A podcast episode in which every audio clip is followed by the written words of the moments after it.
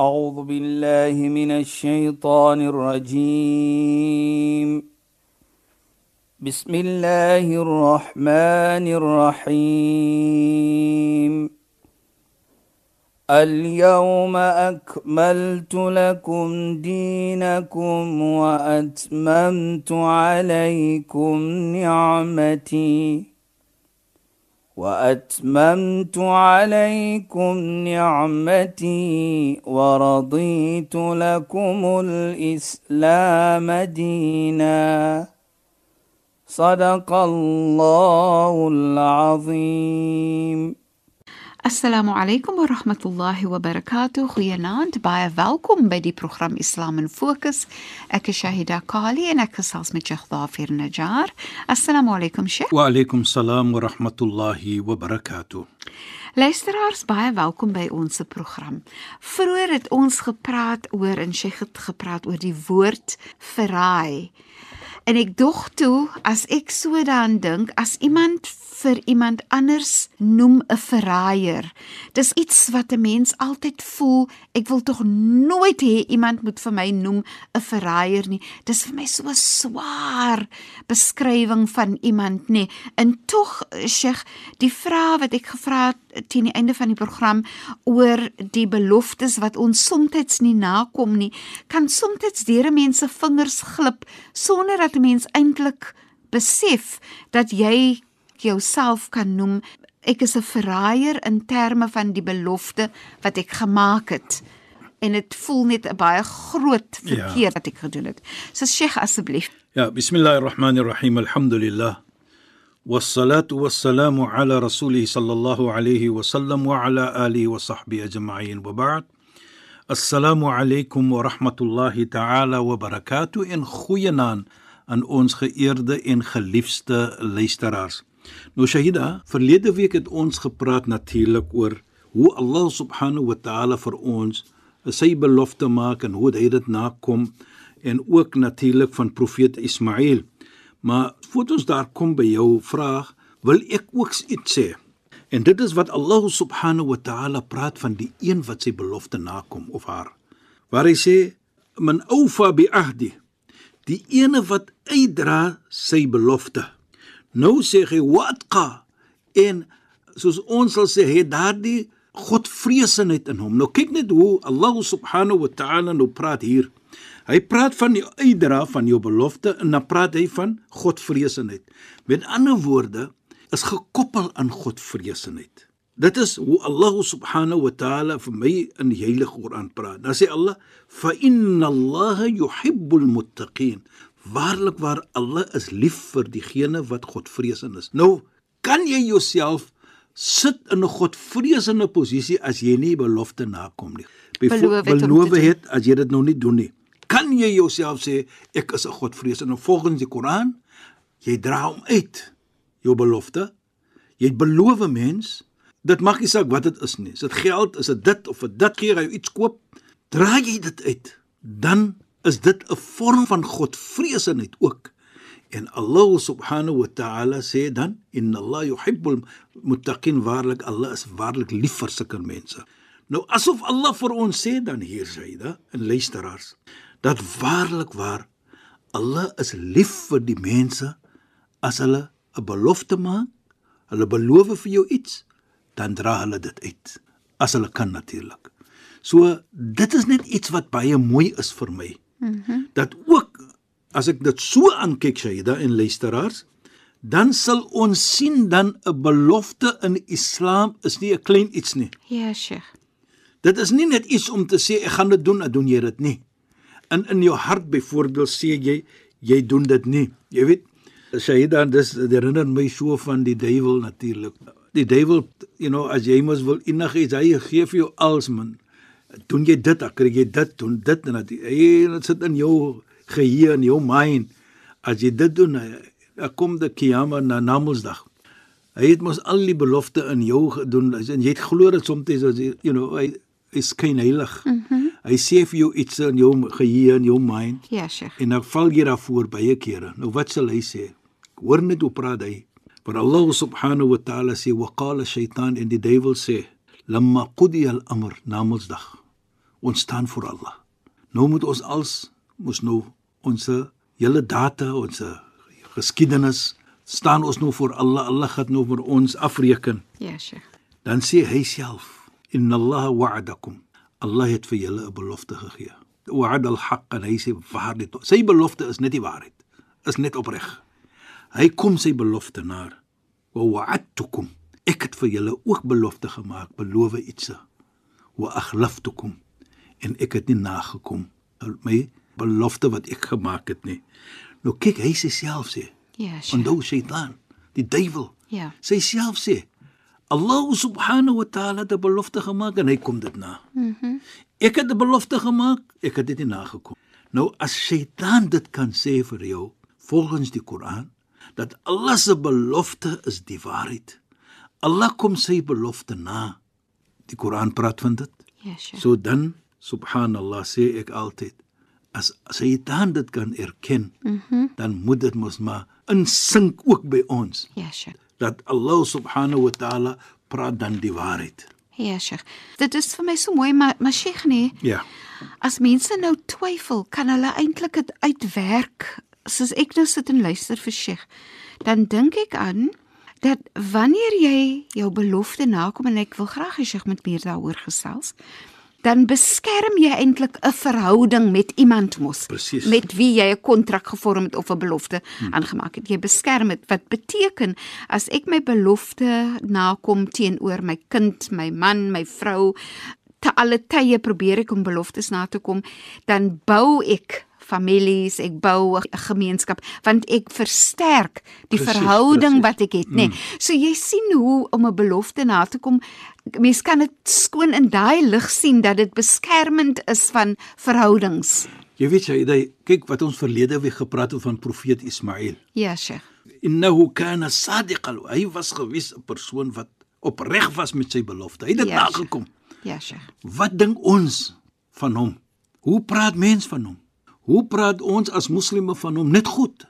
Want hy was 'n persoon wat belofte nagekom het. Ja, nou wat kan ons praat as 'n persoon sy belofte nakom?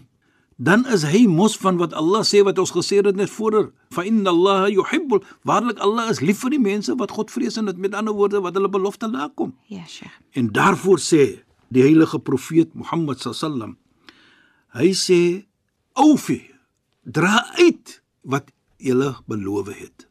Hy beveel dit hy is 'n bevel wat hy gee vir ons dat ons dit moet uitdra as ons 'n belofte maak. Sodat jy het nie eintlik 'n keuse nie. Dit Jy- is dit is iets wat beskryf is op jou. Ons moet ons beloftes uitdra. Want jou woord is jou eer. Onthou dit in Islam. Ja, Sheikh. Dit is jou eer as jy iets sê, moet dit nie net praat nie. Mm -hmm. Jy moet kan dê, soos ek weer sê, as jy dit nie kan uitdra, kom jy voor en sê jammer man. Ek het so gesê, maar vergewe my, ek kan dit nie doen nie. Maar jy sê dit met 'n 'n doel. Ek ja. gaan dit doen as jy die jou belofte as jy iets sê vir 'n persoon jy gaan doen. Nou sê ook uh, die heilige profeet husnul aad min al iman. As jy 'n belofte maak wat iets mooi is en jy het die doel om dit uit te dra. Mhm. Mm Byvoorbeeld, jy sê ek gaan vir jou iets gee, 'n presentjie of jy gaan iets doen vir die persoon. En jy het die doel om dit uit te dra, byvoorbeeld 'n man trou. En hy sê ek wil dit uitdra. Ja, ek wil dit doen en ek het alle doel om dit te doen. Mhm. Mm dit sê die heilige profeet Mohammed sallam is van jou geloof. Minal iman. Dit maak jou iman, dit is 'n sterkte, dit is iets te doen met jou iman. Ja, so jou geloof is geheg aan dit. Nou kan jy sien dan hoe belangrik dit is in die oë van Allah subhanahu wa ta'ala.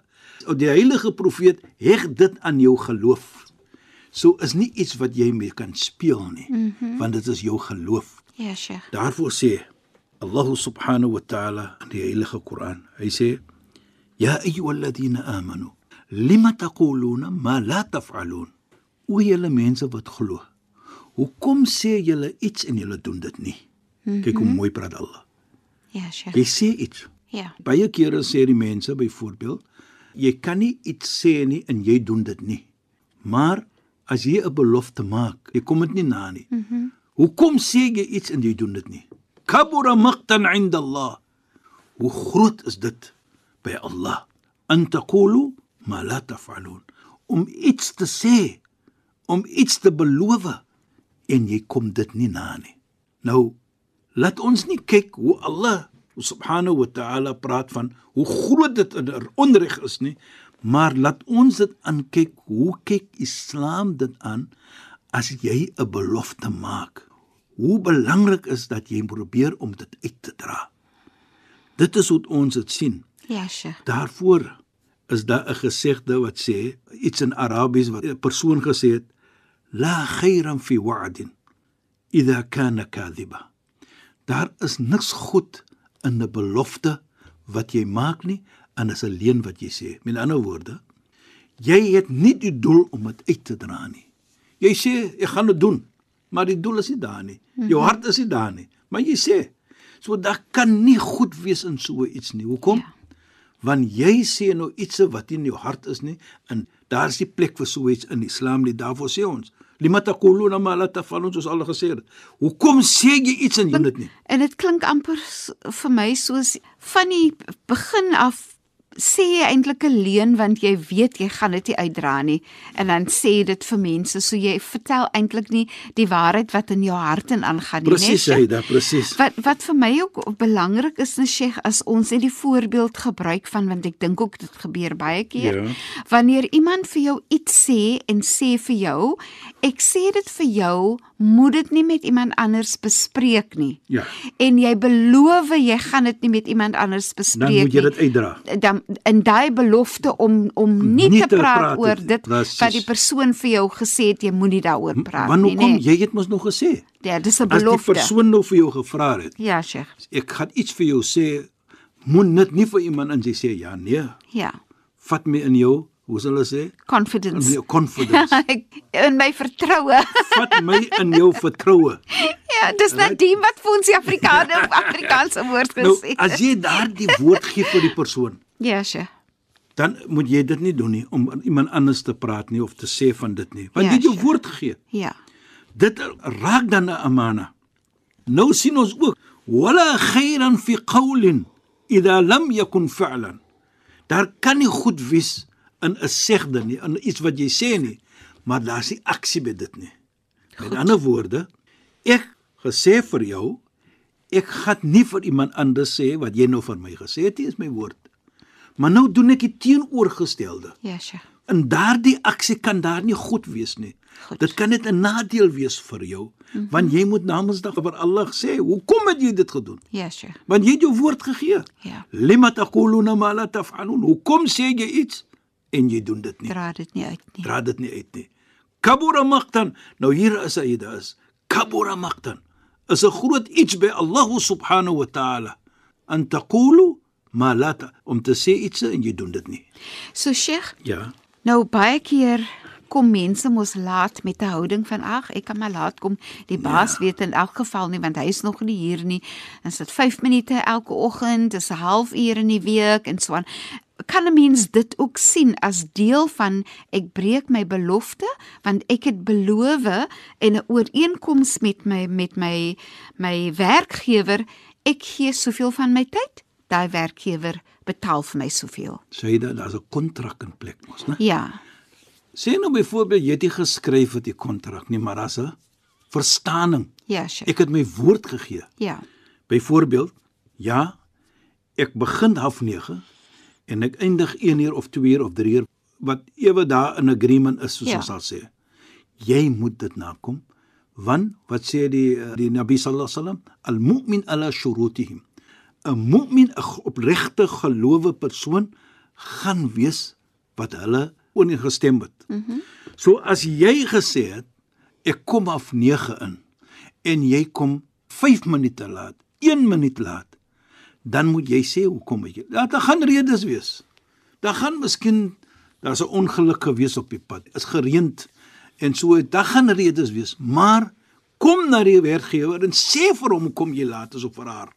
En ook sê dan ook dan ek het 5 minute laat gekom, maar ek gee vir jou dat ek die 5 minute gaan inwerk Ja, sure. vanmiddag. Mm. Moenie net vat dit vir granted soos ons sal sê nie. Ek is nou 5 minute laat nie. Dit's okay nie nou. Hoe gee jy daardie reg terug Want jy het gesê ek gaan werk byvoorbeeld vir 5 ure Ja, per dag. Nou werk jy 4 ure in 50 minute. Hmm. Waar bedoel van daardie 10 minute? Jy moet dit teruggee. Ja, Sheikh. Dit is jou woord. Dis my woord. En dit is wat ons sê. En jy weet wat so mooi is vir my hiersa. Sayyidina Ali, die skoonseun van die heilige profeet, hy sê iets baie mooi vir my.